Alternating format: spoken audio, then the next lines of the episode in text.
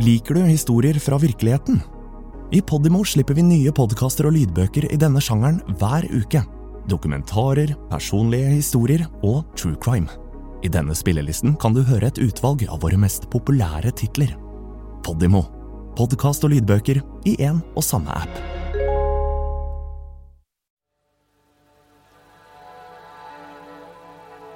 Historiene du hører i denne podkasten, er basert på virkelige hendelser som fant sted i Norden. Enkelte scener og skildringer er tenkte scenarioer av omstendighetene. Det du nå skal få høre, er historien om lille Mari. En av mange unge jenter som reiste nordover i Norge på jakt etter jobb på starten av 1600-tallet. I Vardø fikk hun jobb som tjenestejente hos Kristen Lauritzen. Og hun fikk to nye venner, Siri og Kirsten. Men lykken varte ikke evig. Et forlis utenfor kysten og myndighetenes falkeblikk fikk snart konsekvenser for dem alle.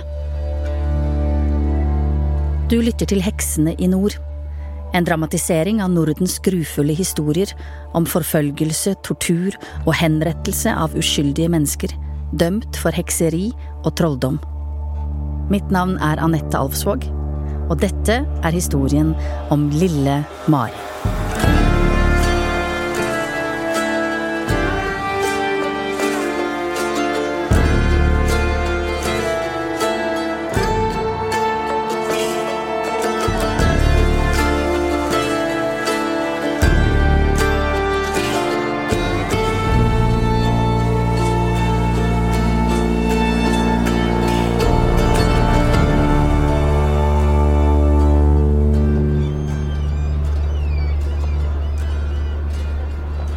«1635. Bergen er i sterk vekst. Byen er et viktig handelssted, og på denne tiden Nordens største. Skip fra store deler av verden legger til kai i havna, og forlater den med lass av varer, deriblant store mengder fisk.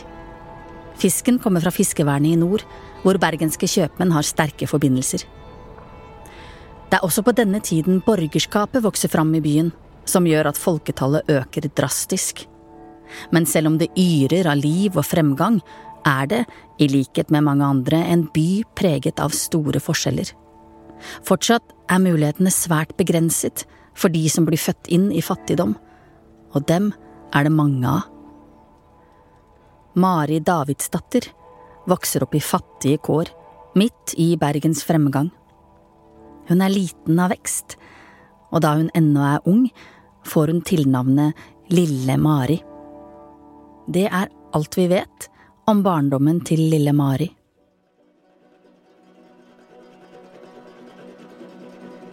På denne tiden ligger Norge under Danmark. Det skal enda ta 100 år før det blir vanlig for barn å gå på skole. Og muligheten for jenter er få, særlig for de lavere klassene. Men det finnes jobb, og lille Mari vet om flere på hennes alder som har reist nordover, til fiskevernet. Så når hun blir gammel nok, setter hun seg på en båt mot nord.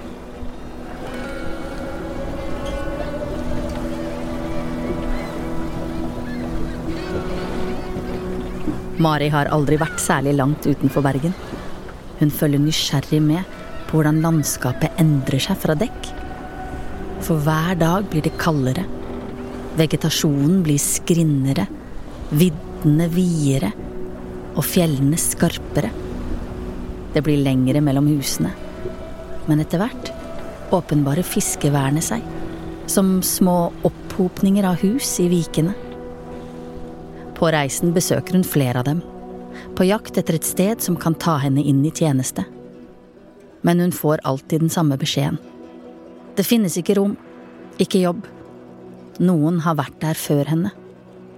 For hvert fiskevær blir sjansen mindre. Men hun kan ikke gi opp, for det er noen igjen. Hun skal ikke gi seg før hun kommer helt til toppen av landet. Hun har hørt om en øy der. Den ligger så langt nord man kan komme. Det er der hun skal bo. Hun føler det på seg. Hun har ikke mye med seg på reisen, bare det aller viktigste. Hun har passet trygt plassert på innsiden av kjolen. For den store bølgen med mennesker på jakt etter jobb har gjort at myndighetene har måttet be mange av dem uten identifikasjon om å snu. Hennes beste sjanse er passet og vandelsattesten fra presten som hun skaffet seg før hun reiste. Og etter flere lange måneder til sjøs ankommer hun endelig Vardø. Sommeren 1652.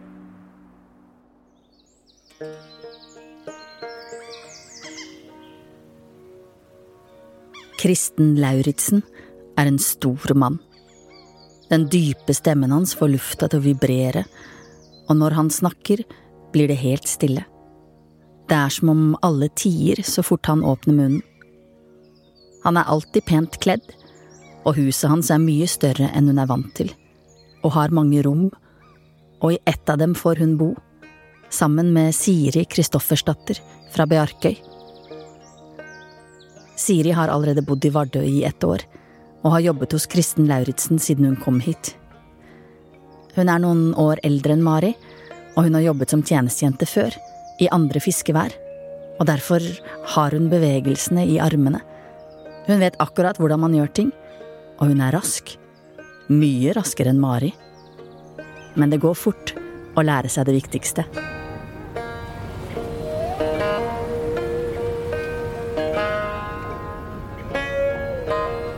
Det tar ikke mange uker før Siri og Mari vet det meste om hverandre. Om nettene hender det at de ligger våkne og snakker, og Mari syns det er fint å snakke om ting med Siri, for hun har alltid et svar, som en storesøster. Huset til Kristen Lauritzen ligger i sentrum av fiskeværet, som er lite, men stort i forhold til mange andre. Bygda har 150 innbyggere de fleste fiskere, men også kjøpmenn og embetsmenn.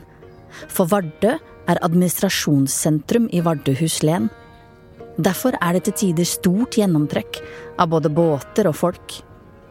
Når det kommer store båter fra Bergen, hender det at Mari og Siri sniker seg ut kjøkkeninngangen og ned til havna og ser på at de laster på. Store lass med fisk skal sørover. Til havna hun kjenner så godt, i hjembyen når det er klart vær, kan man se båtene helt til de er bitte små prikker i horisonten. Men kystværet kan også være lunefullt. Det kan gå fra sol til storm på et øyeblikk. Mari blir satt til hardt arbeid fra første dag. Store deler av sommeren jobber de utendørs. Det er mange i samme ærend som Mari og Siri på øya, og en av dem er Kirsten Olsdatter, som Siri har blitt god venn med. Kirsten bor et stykke inn på øya, men de jobber ofte sammen, med torvstikking på de åpne slettene. Kirsten er Maris rake motsetning. Hun ler høyt, noen ganger så høyt at folk snur seg. Mari krymper seg da, hun liker ikke at folk ser henne. Og når Kirsten går bort og spør fremmede om veien selv om hun kan den, ser Mari bare ned i bakken. Men Kirsten kan mye. Hun har jobbet mange steder, både på øya og på fastlandet, og hun har møtt mange. Hver gang hun lærer Mari og Siri noe nytt, har hun alltid lært av en eller annen Mari aldri har hørt om. En dag de stikker torv, stopper Kirsten brått opp og ser mot himmelen. Det blir stjerneklart i natt, sier hun. Hvordan vet du det? spør Mari. Og så forteller Kirsten om en eller annen i Kiberg, med et navn som like godt kan være funnet på, og en forklaring Mari ikke klarer å tro på. Men Kirsten har rett. Den natten blir det stjerneklart. Og Mari har aldri sett en så stjerneklar himmel som den som brer seg over øya. De hvite prikkene ligger som et teppe helt fra den ene kanten av havet til den andre. Høsten er over på noen få uker, og kulda kommer brått. Det velkjente regnet fra hjembyen faller som snø, og vinternettene er bitende kalde. Om kvelden kler hun på seg alle plaggene før hun legger seg, for rommet er så kaldt at pusten kveiler seg som røyk. Men selv om arbeidet er hardt og været nådeløst, trives hun på øya. Mye fordi hun får jobbe med Siri. De kan gå i timevis og snakke, og selv om det noen ganger blir stille, er det en fin stillhet. En stillhet hun ikke har hatt med noen andre. I to år jobber Mari og Siri for Kristen Lauritzen, og de to årene er de beste i Maris liv. Men en rekke hendelser høsten 1654 skal få livet hennes til å snu brått. Når Siri møter en mann, tar det ikke lang tid før kirkeklokkene kimer utover øya. Til en noe sviktet Mari forklarer Siri at hun må ta sjansen når hun får den. Det er jo ikke hver dag man får et tilbud av den typen. Tomheten etter Siri setter dype spor, og vinterkveldene virker enda mørkere uten henne på den andre siden av rommet. Men det er ikke bare i Maris liv uventede ting skjer. Like før jul forliser en båt utenfor kysten av øya. Tre menn omkommer, en fjerde klarer å komme seg i land. Ulykken setter sitt preg på befolkningen. Men for Mari fortsetter hverdagen som før, bare uten Siri. Mens bygda er opptatt med jul, skjer det ting i fiskevernet rundt. Med jevne mellomrom de siste årene har det dukket opp tilfeller av det som, ifølge øvrigheten, skal være svart magi. Store forliser har i flere omganger utløst brutale kjedeprosesser, og jakten på de som står bak, har vært nådeløs. Og når det nå igjen begynner å gå rykter om trolldom, tar det ikke lang tid før de når Vardø. Julens forlis har vakt oppmerksomhet blant de lærde, og det sies at det nok en gang er onde krefter i sving. For hvordan kan en båt av det kaliberet ha gått under i det som tilsynelatende var stille vær? Og uten at kvinnene er klar over det, er noe i ferd med å skje. For et navn nevnes av dype stemmer bak fogdens lukkede dører.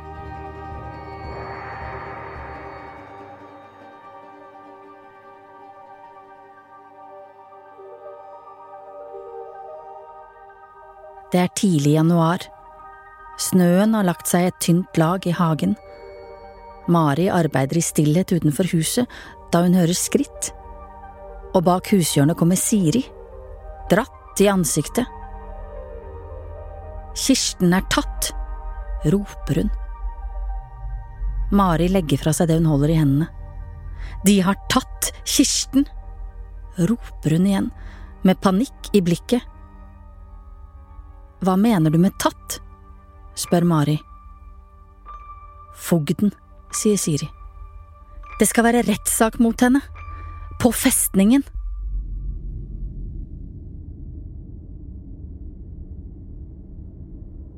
Vardøhus festning. Det er der det foregår. Rettssakene. Henrettelsene. Noen hevder å ha hørt skrik derfra på nattestid og ryktene om torturmetodene som tas i bruk på innsiden av festningsveggene, hviskes det om i det skjulte. Det sies at flere har blitt ført inn dørene, men aldri kommet ut. Mari får gåsehud da hun går over festningsplassen. Bare tanken på det hun har sett her, får det til å gå kaldt nedover ryggen. Noen rettssaker skjer i det stille de fleste henrettelser er det borgerplikt å møte opp på. Mari hater det.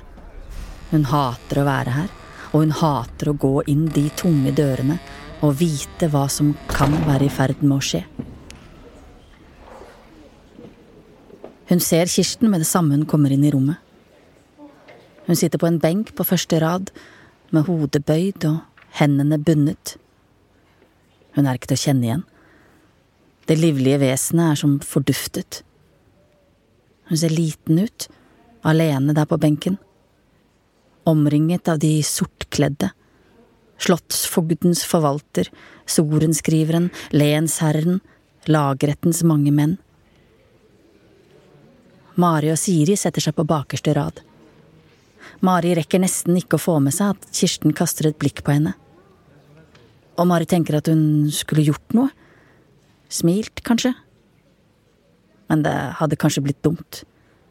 Hun kunne kanskje ha nikket. Benkene fylles langsomt.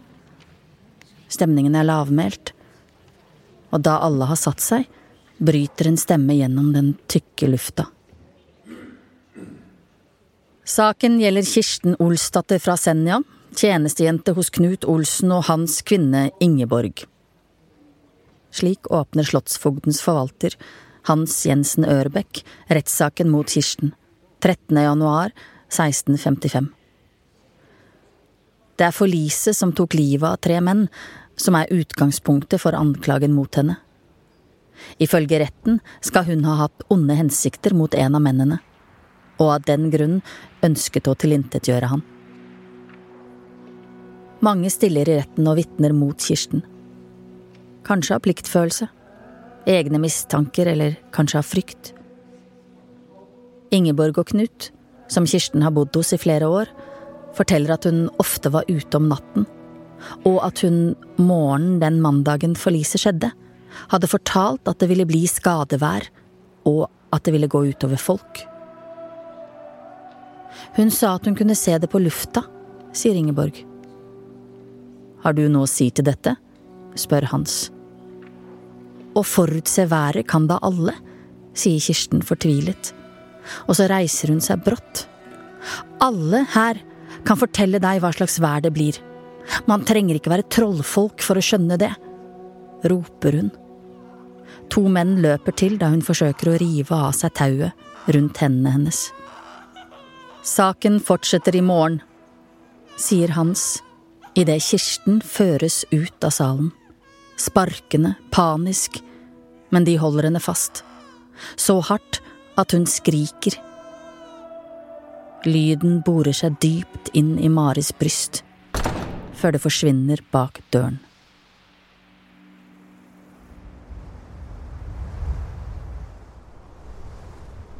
Det er kaldt utenfor. Siri og Mari går over festningsplassen og ned bakken mot byen.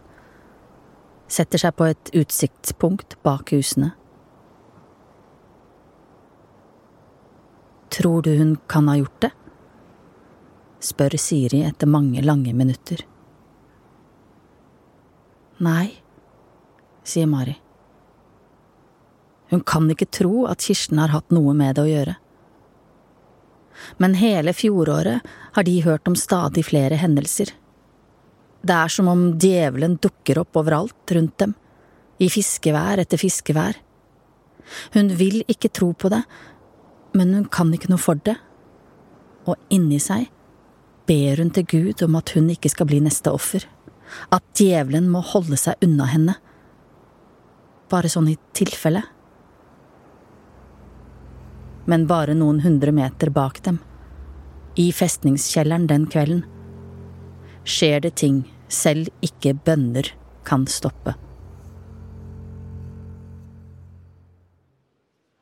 Mari får fri til å gå til tinget neste dag. Hun setter seg på det samme stedet. Kan se rett på Kirsten mellom de på radene foran. Men Kirsten ser annerledes ut. Huden hennes har et tydelig blåskjær, og hun ser dratt ut i ansiktet. Hun har øynene lukket. Fogden kremter før han starter. Da gjenopptar vi saken, det har skjedd store ting siden i går.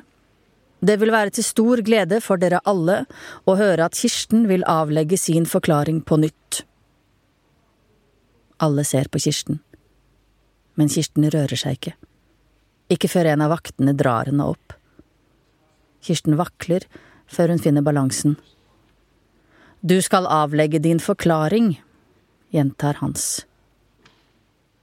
Stemmen er spak men ordene hennes er tydelige. Hun tilstår å ha forårsaket ulykken. Det går et gisp gjennom rommet før hun fortsetter. Stemmen er hakkete. Hun ser rett ned i gulvet foran seg. Jeg gjorde meg om til en sel, forteller hun. Og så veltet jeg båten. Hvorfor gjorde du det? spør fogden. Kirsten reagerer ikke. Var det av sjalusi? spør han. Kirsten nikker. Det er stille i noen sekunder, før fogden fortsetter med stødig stemme. Under avhør i går ettermiddag fortalte Kirsten at hun er skyldig i anklagene mot henne. Hun har medgitt at hun har tatt djevelen til seg, at hun arbeider for ham, og at hun brukte sort magi til å gjøre seg om fra menneske til dyr. Hun har også fortalt at hun ikke var alene. Med seg på angrepet hadde hun Siri Kristoffersdatter og Mari Davidsdatter. Mari merker hvordan Siri fryser til ved siden av henne. Blikket hennes er limt på Kirsten, men Kirsten har lent seg fremover med ansiktet mot knærne. Men før vi går videre med disse anklagene, skal sorenskriveren avgjøre hennes skjebne. De neste sekundene er sorte for Mari. Hun får ikke med seg at sorenskriveren tar plass på talerstolen. Ut ifra vitnesbyrdene vi har hørt, samt hennes egen bekjennelse og vitnesbyrd, skal Kirsten Olsdatter straffes på livet til ild og bål for trolldom.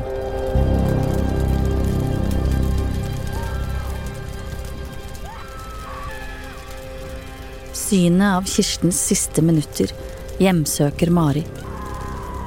Selv om hun lukket øynene hele tiden, kan hun se det. Hvordan flammene slikker seg oppover klærne hennes. Og så lyden. Og lukten. Og så stillheten.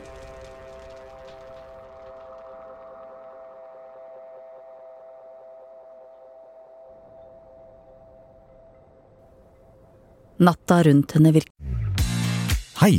Har du lyst til å høre mer som denne podkasten, men helt reklamefritt?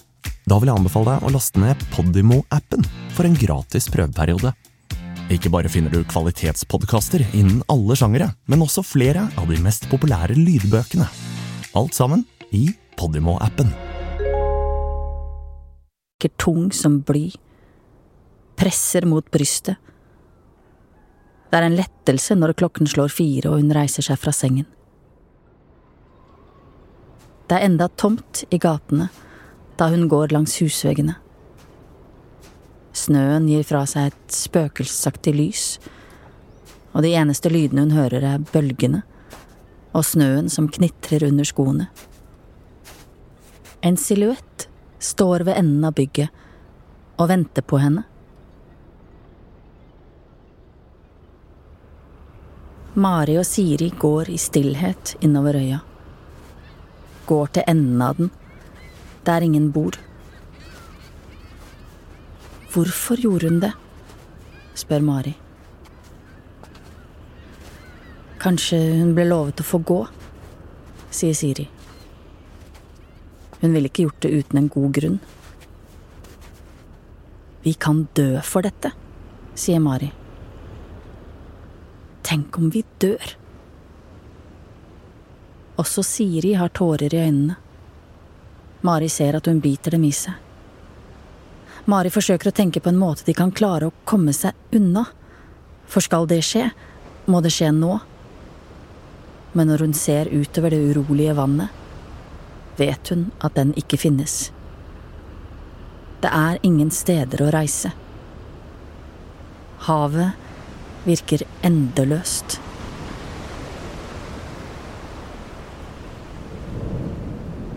Det er uvær hele februar. Øya er dekket av en innstendig tåke, og bølgene slår hardt innover kanten. Båtene kan ikke legge til kai flere dager av gangen. Men i mars, akkurat idet Mari skal til å puste lettet ut, kommer beskjeden. Mari og Siri kalles inn til avhør på Vardøhus festning. Hva som skjer bak festningsmurene den dagen, vet vi ikke. Men like etter blir folket kalt inn til rettssak. Og 14. mars fylles et av rommene i festningen av summingen fra øyas mange stemmer. Saken gjelder Siri Kristoffersdatter og Mari Davidsdatters involvering i forliset i 1654. Dette har Mari fortalt, ifølge rettsprotokollen. Da hun kom til Vardø i 1652, ble hun kjent med Siri gjennom tjeneste hos Kristen Lauritzen. Det var om sommeren året etter at Siri, som erfaren trollkvinne, spurte om Mari ville lære trollkunster. Alt hun måtte gjøre, var å spise flatbrødet Siri hadde med. Da Mari spiste flatbrødet, følte hun seg brått svimmel og uvel. Plutselig åpenbarte djevelen seg i form av en høy mann med sort pels og lange klør. Han begjærte hennes tjeneste og ga henne hånden, og som hun fikk beskjed om, lovte hun å tjene ham. I gjengjeld skulle hun få alt hun måtte trenge. Mari forteller også at de tok del i angrepet mot båten, men at hun til forskjell fra de andre, ikke hadde noen ting imot de omkomne. Om det finnes håp blant dem da de sitter i rettssalen 14. mars, er uvisst. Og om Mari fortalte alt dette fordi hun ble fortalt at det kunne redde livet hennes, vet vi heller ikke. Men det vi vet, er at da fogd Abraham Lockert ber om vitner, er det ingen som reiser seg. En tilståelse er verdt lite uten vitner, og saken blir derfor utsatt til neste ting.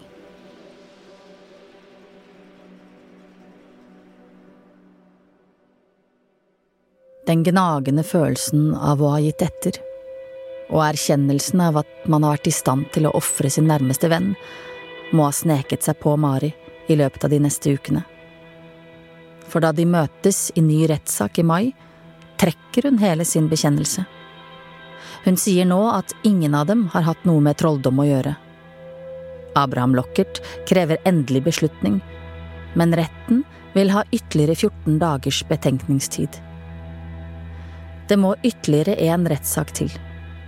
28. mai møtes de igjen. Også denne gangen med samme resultat.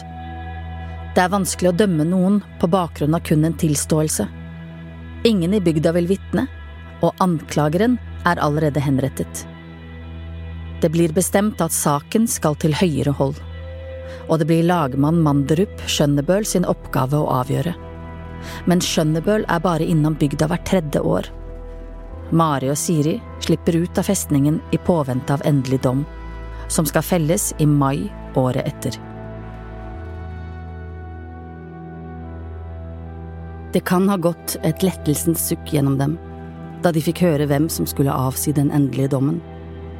Skjønnebøl er kjent som trollfolkets frifinner, og har to år tidligere frikjent hele syv stykker i én sak i en av bygdene på fastlandet. Men anklagen henger over dem, og øya virker plutselig liten. For selv om ingen vil vitne, skaper det uro i et lite folk å ha to potensielle trollfolk blant seg. Mari fortsetter i tjeneste hos Lauritzen. Det kan gå dager uten at hun snakker med noen, for folk har sluttet å snakke til henne. Men det aller verste er Siri. Siri har ikke sagt et ord til henne siden rettssaken, ikke engang kastet henne et blikk, og stillheten føles uholdbar. Så en dag bestemmer hun seg for at hun må snakke med henne. Hun banker på døren hennes. Hører skrittene på innsiden. Hører at det er Siri. Hun kjenner igjen gangen. Siri åpner døren, og da hun ser at det er Mari, vet hun ikke hva hun skal gjøre. Kan jeg komme inn? spør Mari. Siris ansikt mykner, og hun slipper henne inn. De setter seg ved kjøkkenbordet. Alvoret i situasjonen henger tungt i luften, men ingen av dem sier noe. Blikkene deres vandrer mellom utsikten fra vinduet, hendene de lener foran seg, og forståelsesfulle øyne på den andre siden av bordet.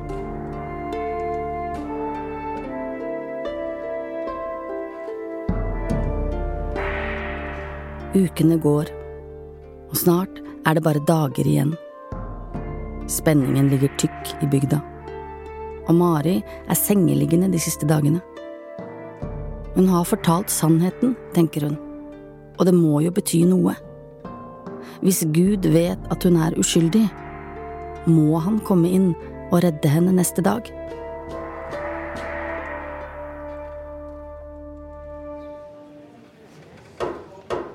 Retten åpnes av Skjønnebøl, mannen hun har tenkt så mye på det siste året.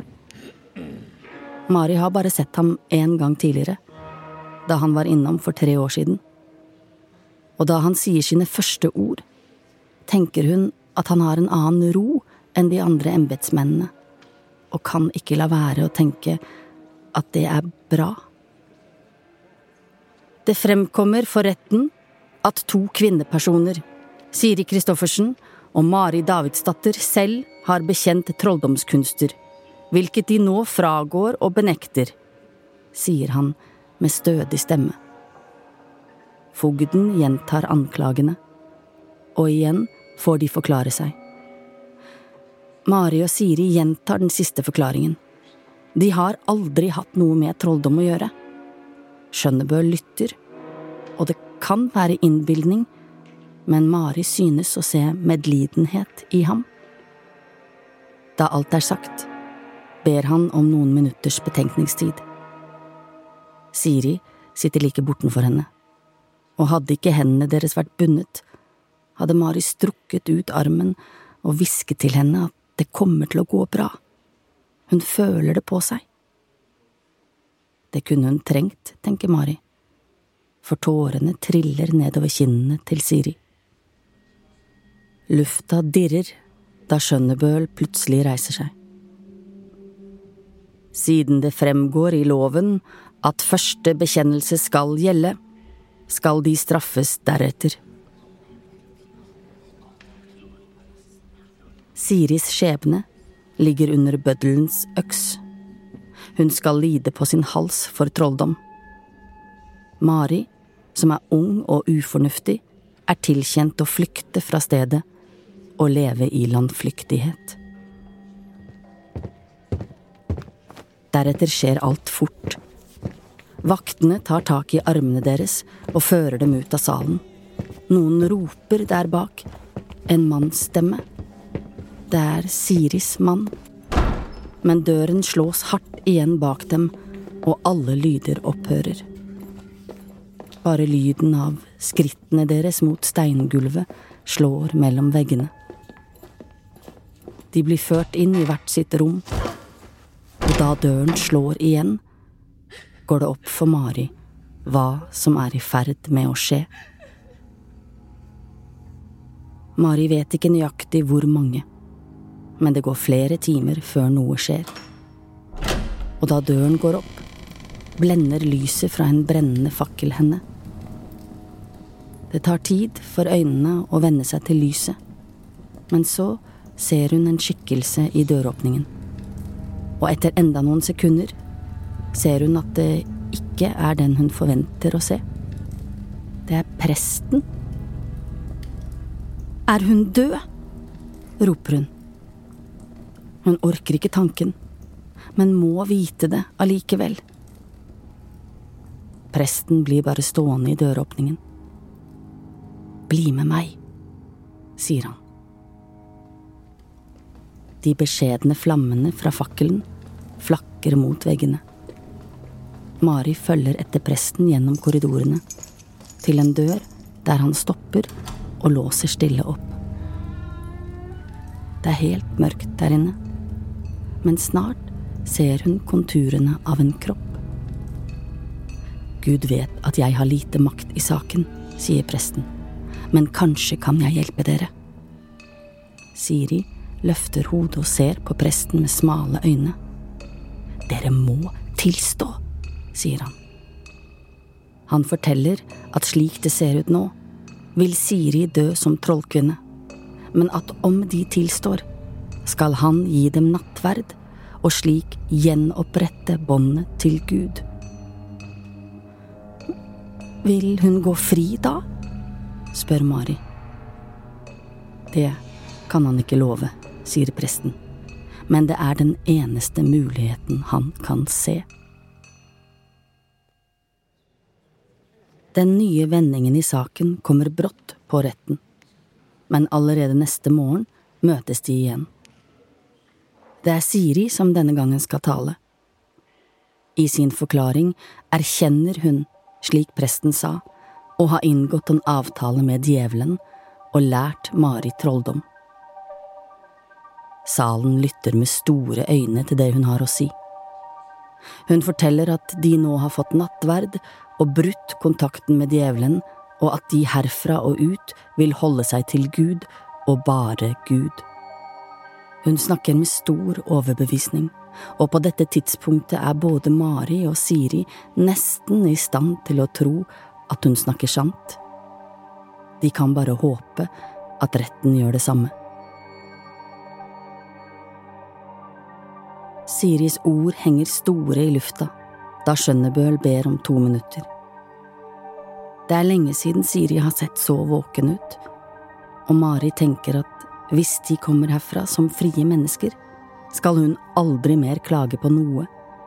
Hun skal være det lykkeligste mennesket på jorden. Hun rekker nesten å kjenne glede i løpet av de små minuttene med stillhet.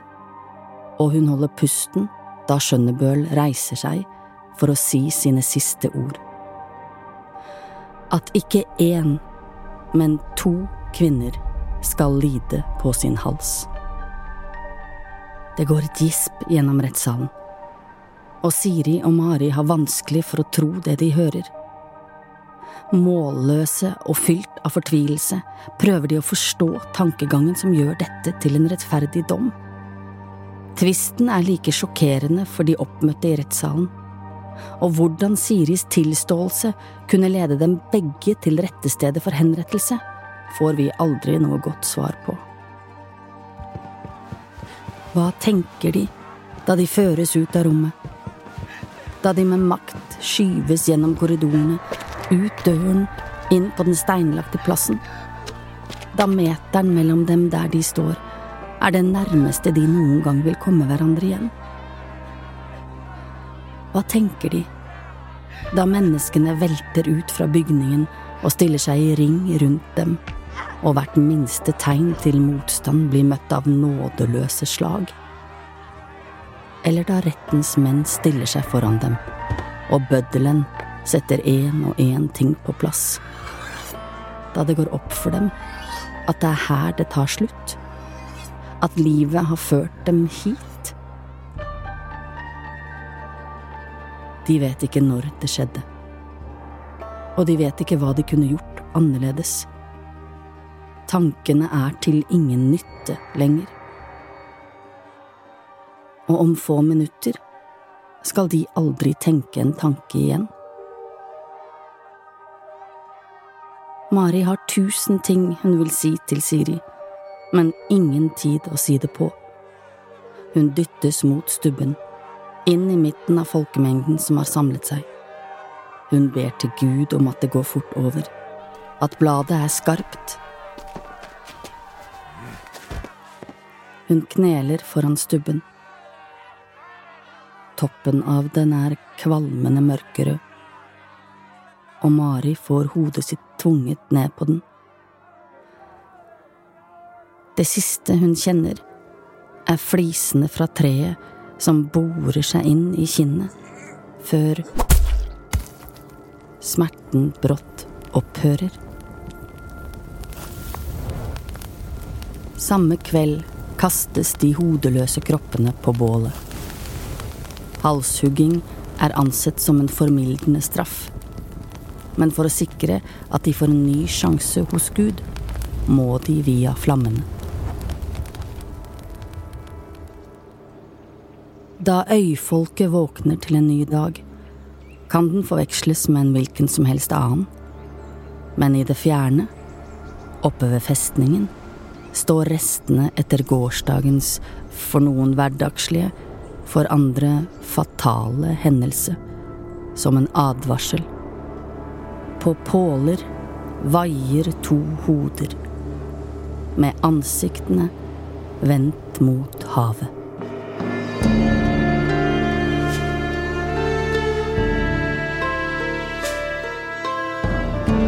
Du har hørt en episode av Heksene i nord. En podkastserie produsert av Podimo. Research, manus og idé av Pauline Østgaard. Manusbearbeidelse av Sigve Kvitvik, Maria Nygren, Kjersti Kvam, Anette Alfsvåg og Fredrik Baden. Produksjon og lyddesign av Fredrik Baden. Musikk ved Geir Sundstøl. Mitt navn er Anette Alfsvåg. Nye episoder av podkasten kan du høre hver fredag, eksklusivt i Podimo.